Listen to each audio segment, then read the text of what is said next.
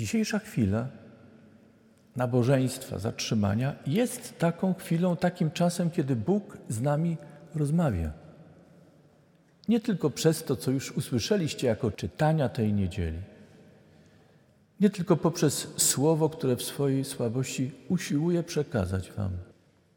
Wy wiecie, że nieraz jest tak, iż siedząc na nabożeństwie, wysłuchamy jedno, dwa zdania i gdzieś zagłębiamy się w swoich myślach. Nie słuchamy już, ale to wcale nie oznacza, że nie korzystamy. Ten cichy, ale jakże uczciwy wobec nas Duch Boży, nasz orędownik, nasz rzecznik, mówi, przemawia, pokazuje nam różne sfery naszego życia. Nie po to, byśmy od tego uciekali.